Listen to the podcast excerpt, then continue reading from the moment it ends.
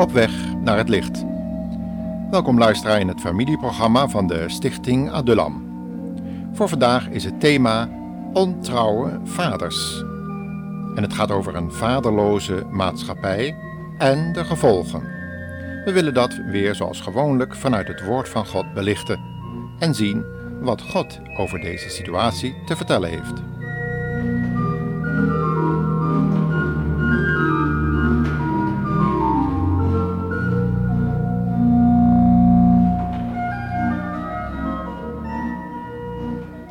Hebt u het ook in de krant gelezen?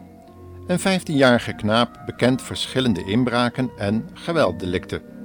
Een kind nog, die overgeleverd moet worden aan de kinder- en zedenpolitie. Maar wat moeten ze daar nou met zo'n jonge misdadiger?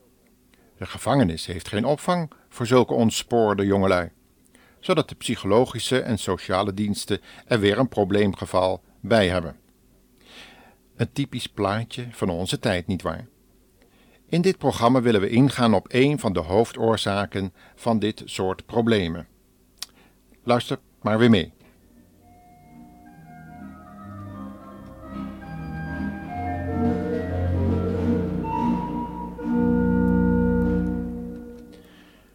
Hebt u wel eens nagedacht over de gevolgen van wat wij noemen een vaderloze maatschappij? De verwekker van het kind maakt een afspraak met het meisje of jonge vrouw dat hij bij de geboorte het kind zal laten registreren en op zijn naam zetten. Meisje blij. Nu heeft ze eindelijk de mogelijkheid gevonden om zelfstandig te gaan wonen, met een jongen die verantwoordelijkheidsbesef blijkt te hebben. Vol vertrouwen geeft ze haar lichaam om dan, na negen maanden, tot de conclusie te komen dat haar jongen gevlogen is. Waarschijnlijk met een ander liefje. Na elke nieuwe relatie hoort ze dezelfde belofte maar alle kinderen staan nu inmiddels op haar eigen naam en de vader kennen ze niet eens. Deze situatie lijkt erg veel op de tijd van de profeet Jesaja. Hoor maar eens wat hij in zijn vierde hoofdstuk zegt. In die tijd zullen er zo weinig mannen in leven zijn gebleven dat zeven vrouwen om één man zullen vechten en zeggen: Laat ons allemaal met u trouwen.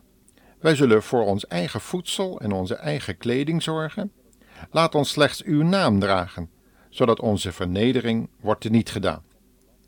Tja, zo is het in sommige landen nog steeds. Het aantal vrouwen is groter dan het aantal mannen en dus ontstaat er een probleem waar we op de eilanden ook mee worstelen.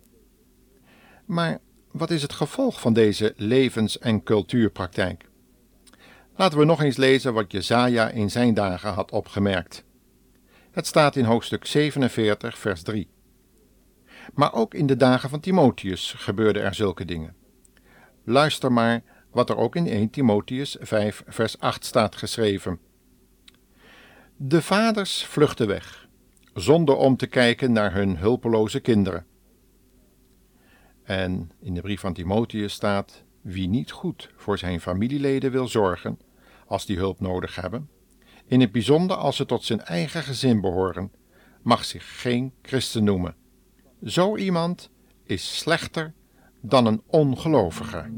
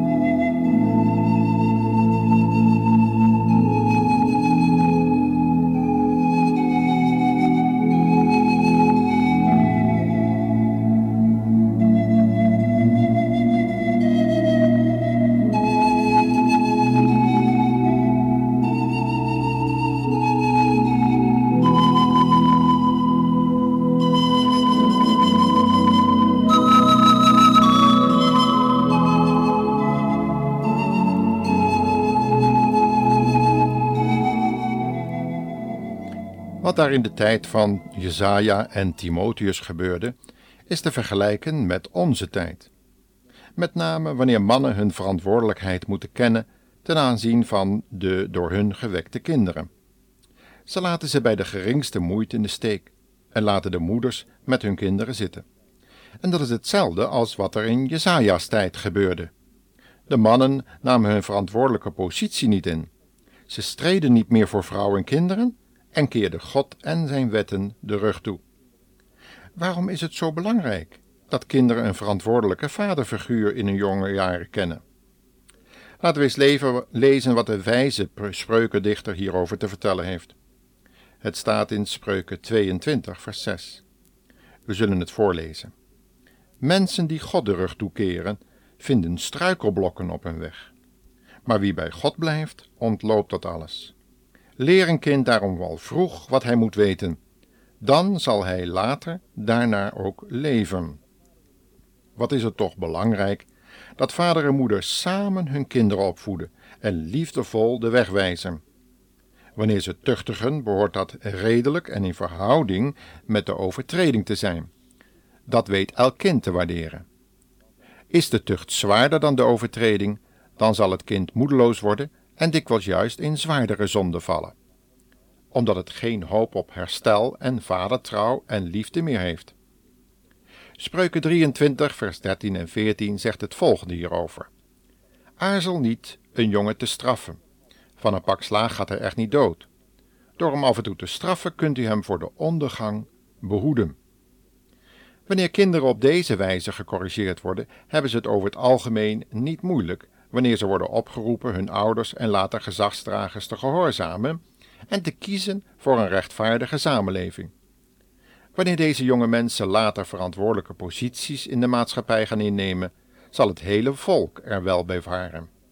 Dan zullen de volgende woorden, door een trotse vader uitgesproken, ook op onze kinderen van toepassing zijn. Het staat als bemoediging, maar ook als waarschuwing opgetekend in Spreuken 23, vers 15 tot 26. Luister maar weer mee. Mijn zoon, reken maar dat ik blij ben als ik zie dat je je verstandig gedraagt. Als ik je oprechte dingen hoor zeggen, zindert de blijdschap door me heen. Wind je niet op over zondaren. Leef voortdurend in eerbiedig ontzag voor de Heere, want je kunt er zeker van zijn dat je een beloning wacht. Je komt niet bedrogen uit als je op God vertrouwt. Luister goed, mijn jongen, wees verstandig en richt je volledig op Gods wil voor je leven. Houd je afzijdig van drinken, broers en veel vraten, want dat soort mensen staat armoede te wachten. Hun roes brengt je tot de bedelstaf. Luister naar je vader, die je heeft verwekt. Kijk niet op je moeder neer wanneer ze oud geworden is. Maak je de wijsheid eigen tot elke prijs en houd haar, wat koste wat het kost, vast. Hetzelfde geldt voor wijsheid, onderwijzing en verstand. Een rechtvaardige zoon doet zijn vader enorm veel plezier. Wie een wijze zoon krijgt, mag blij en dankbaar zijn. Maak je vader blij en ook je moeder, die jou ter wereld bracht. Mijn zoon, stel je hart toch voor mij open en let goed op hoe ik leef. Tja, dat laatste is wel erg belangrijk. We zien opnieuw hoe belangrijk het is dat kinderen een goed voorbeeld in hun ouders hebben. Die jonge man van 15 jaar aan het begin van ons programma heeft waarschijnlijk zo'n voorbeeld nooit gehad. Kort geleden hoorden we van een andere jongen die na een gevangenisperiode een goede kans kreeg om in een buitenlands opvangcentrum te leren hoe hij zijn leven ten goede kon veranderen. Maar na enkele weken was het alweer mis en werd hij met andere jonge mensen teruggestuurd. Vaak is de discipline te streng. Hebben ze niet geleerd zich daaraan te onderwerpen? Wat is dat een teleurstelling voor zowel ouders als hulpverleners? Ook in dit geval schitterde de vader door afwezigheid en moesten moeders, oma's, tantes de opvoeding voltooien, tenminste als de jongelui zich nog lieten opvoeden.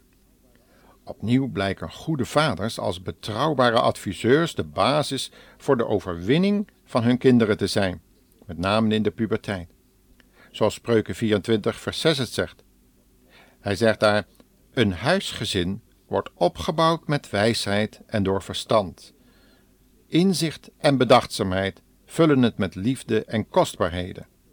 Een verstandig man bezit een sterke geest en inzicht is belangrijker dan kracht.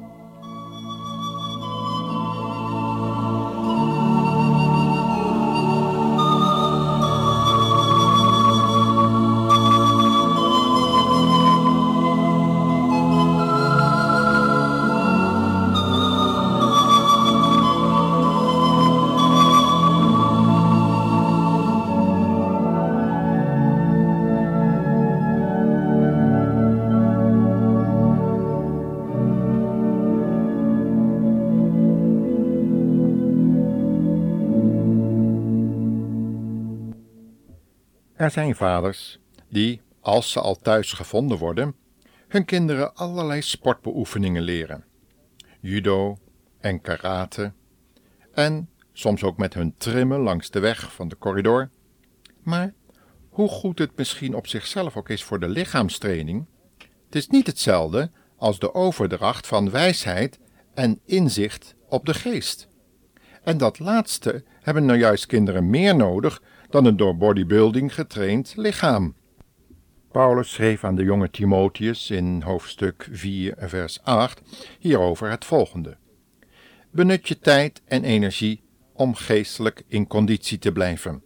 Lichaamsoefening is niet zo nuttig, maar de oefening van de geest is juist wel erg nuttig.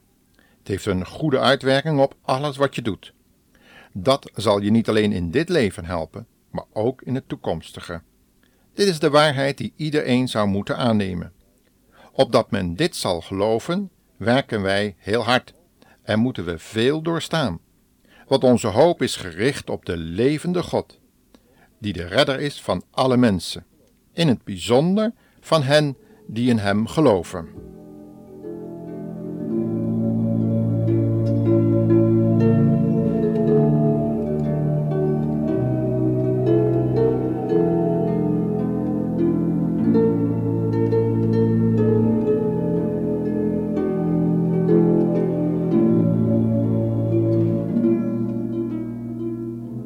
Een van de hoofdredenen van de ontsporingen van jongeren vanuit de Bijbel belicht, maar nu de praktijk. Terugdraaien kunnen veel ouderen de huidige situatie niet meer. Maar wat wel kan, is het volgende: ga op de knieën. Beleid eenvoudig aan God en de Heer Jezus het eigen falen en neem het aanbod van Gods liefde aan. Dat is zijn eigen zoon, de Heer Jezus Christus. Hij kwam juist om verloren levens weer te herstellen en nieuwe hoop te geven aan hen die zonder hoop zijn. Wat u en ik niet meer kunnen herstellen, wat er fout is gegaan in ons leven en in onze opvoeding, dat kan Hij door Zijn genade en de Heilige Geest. God bless you.